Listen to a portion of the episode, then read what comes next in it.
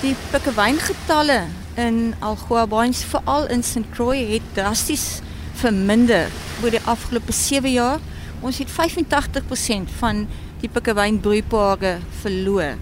Dit is asemrowend om te dink dit is kritiese bedreigde diere wat nie beskerming geniet het nie. En dis het ons ons stem dik gemaak en die minister soveel e-posse gestuur, soveel vergaderings gehad en uiteindelik lyk dit my het sy geluister en sy het 'n verbod geplaas op visvang om die eilande. Daar was in die verlede 'n verbod, 'n 3 jaar verbod en dit het gelyk asof dit vrugte afgewerp het, maar dit was te min om redelik seker te wees dat dit die rede was vir die pikkewyn getalle wat daal. So nou het sy 'n 10 jaar verbod vir visserye om die eilande gesit en ook 'n 10 km afstand wat hulle nie mag vang nie.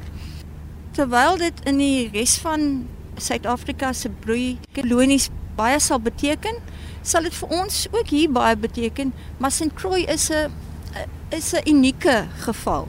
Ronel, vriend omgewingswetenskaplike hier van Nelson Mandela Bay en sy praat oor die kritiek bedreigde Afrika pikkewyn. Party mense praat nog van die brilpikkewyn.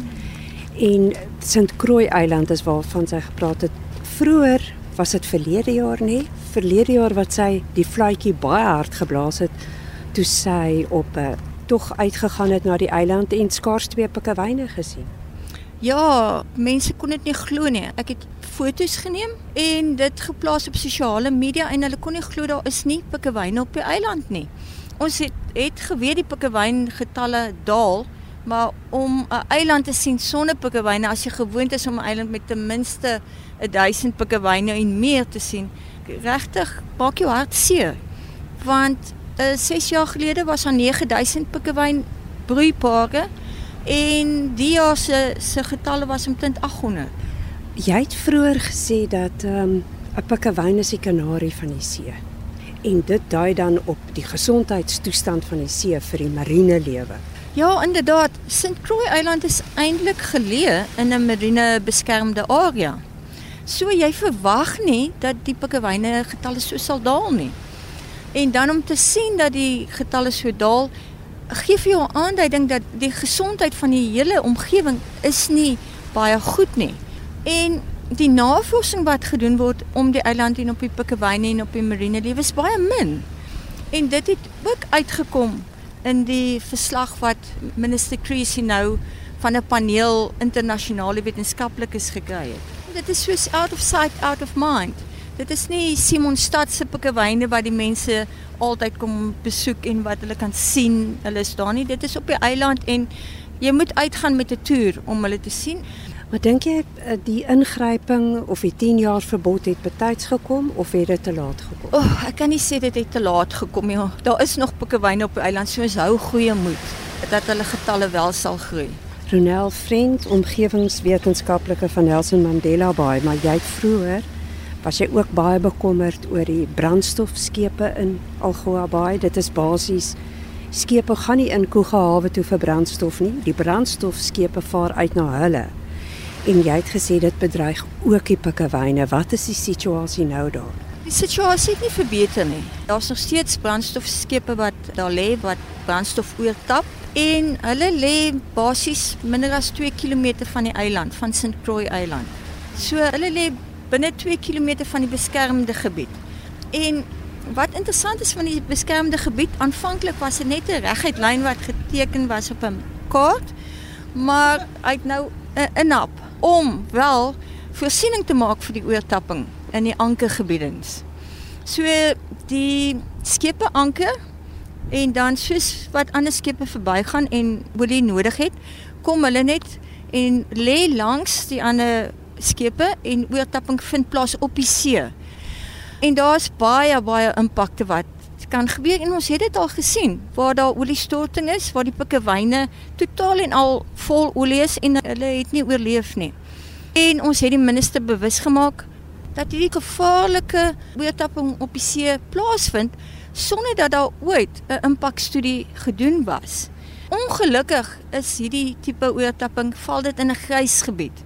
Dit val nie in ons wetgewing as 'n aktiwiteit waarvoor hulle 'n omgewingsimpakstudie moet doen nie.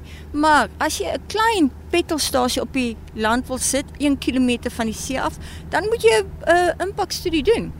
Maar as jy duisende liters 100 000 liters op die see stoor en oortap, dan hoef jy nie 'n impakstudie te doen nie 2 km van 'n beskermende gebied en ook waar die eiland is waar die bedreigde Afrika pikkewyne is. Is julle nog in gesprek met die minister hieroor? Ja, in die begin van jaar het ons 'n groot herrie gehad want hulle wou die operateurs vermeerder het en verskeie groepe het gesê nee, dit kan nie want ons weet nog nie wat die impakte is nie en in daai tyd wat oortapping plaasgevind het, het die pikkewyngetalle gedaal. So dit is logies om te dink dit is as gevolg van die oortapping. En dit kan wees van morsing van olie en jy weet die olie is 'n swaar olie. Van dit dryf en van dit sink.